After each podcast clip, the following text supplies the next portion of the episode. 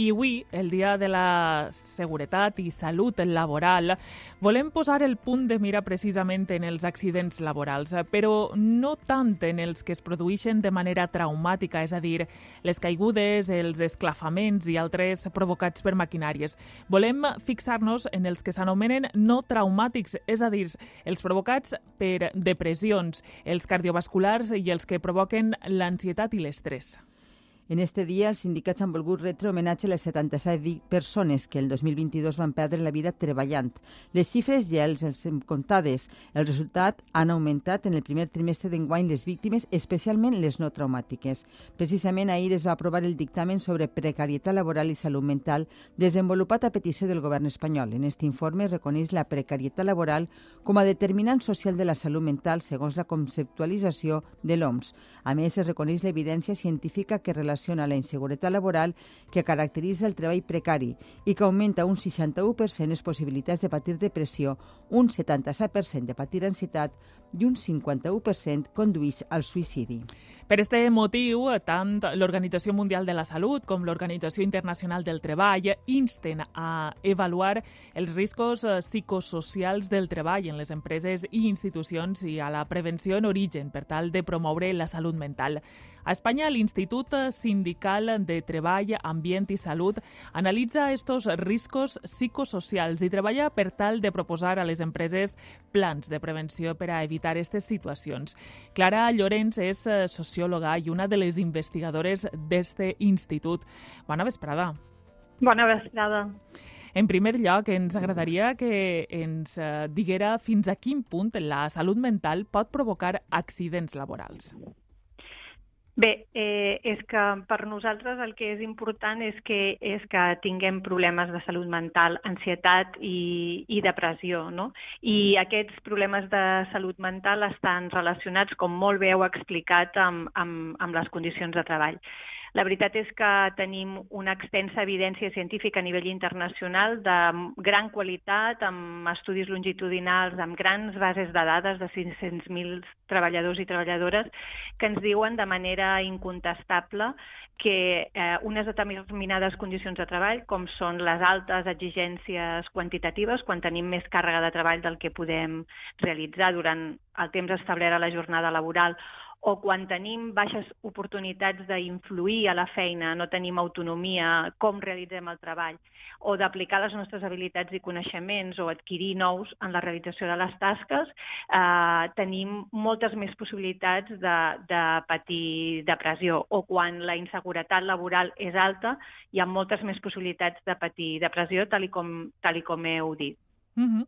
I es produeixen més en uh, uns determinats sectors que en altres? Perquè, per exemple, eh, el sector bancari s'exigeix allí -huh. molt als treballadors, eh, uns objectius molt determinats, eh, però també en altres empreses, com les, com les persones que fan de comercials, no? que tenen també una alta pressió al darrere per aconseguir aquests objectius.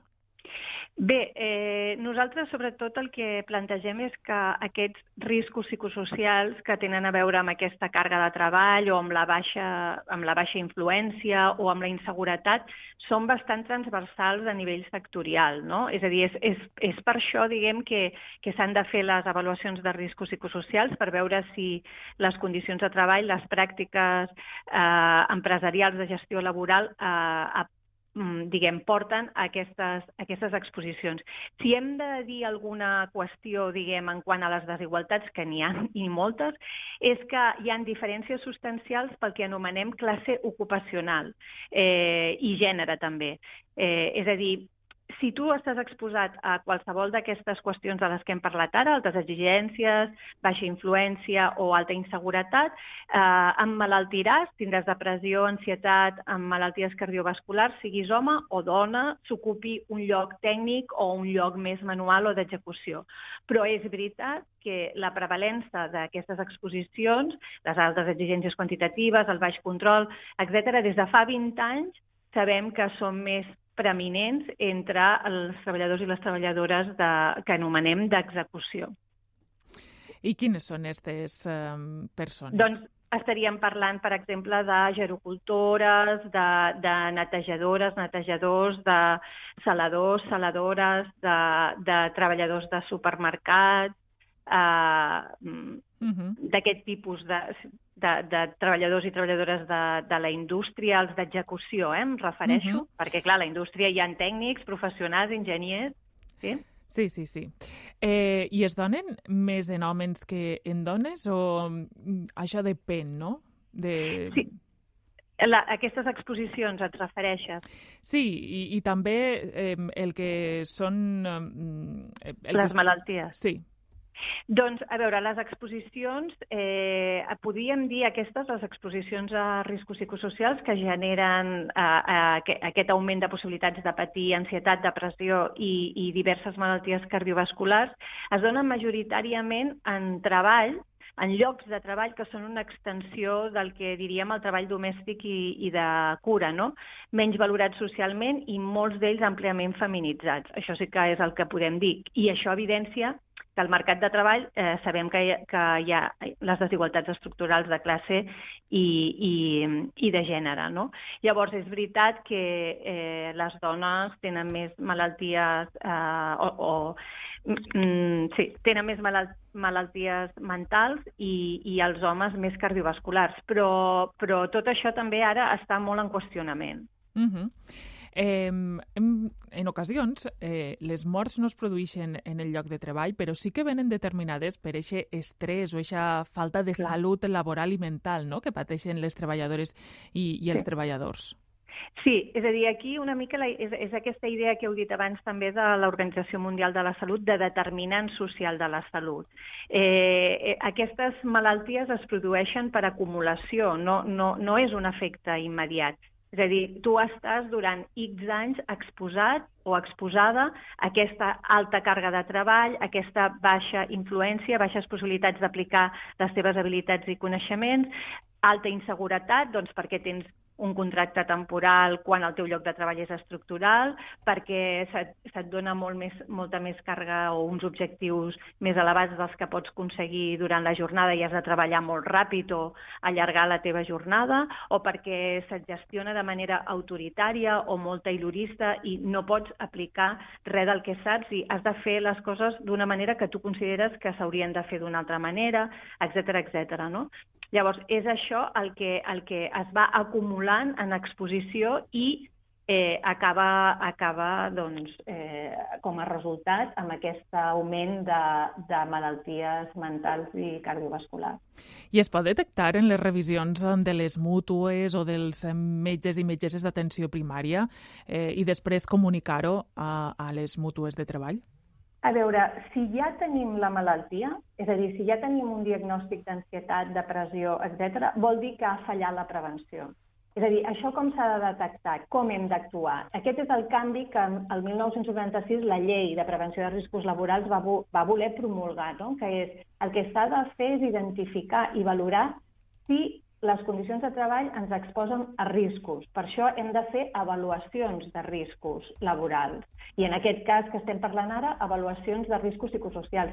Hi ha metodologies públiques validades eh, per, que, que s'han d'utilitzar les empreses. És obligatori avaluar aquests riscos i prevenir-los, és a dir, canviar a l'origen i d'aquesta manera promoure la salut mental i la salut cardiovascular. Però això no ho, die, no ho dic jo o no ho diem des d'Istes Fundació Primer de Maig de Comissions Obreres, sinó que eh, ho diu l'Organització Mundial de la Salut i la OIT en un, en un informe que hem fet al setembre eh, sobre directrius a com actuar a les empreses en relació a la salut mental i el que es planteja és justament això. S'ha de prevenir els riscos psicosocials, s'han d'identificar, valorar, és a dir, avaluar i de posar les mesures preventives adequades. És a dir, si ja estem detectant malaltia, que això és el que ens està passant i que normalment ho passem al, al sistema públic i hipermedicalitzem. Eh, nosaltres som un dels països que, que eh, bueno, de fet, les Nacions Unides el 2020 van fer un informe en el que deien clarament que érem el país que més antidepressius estaven prenent.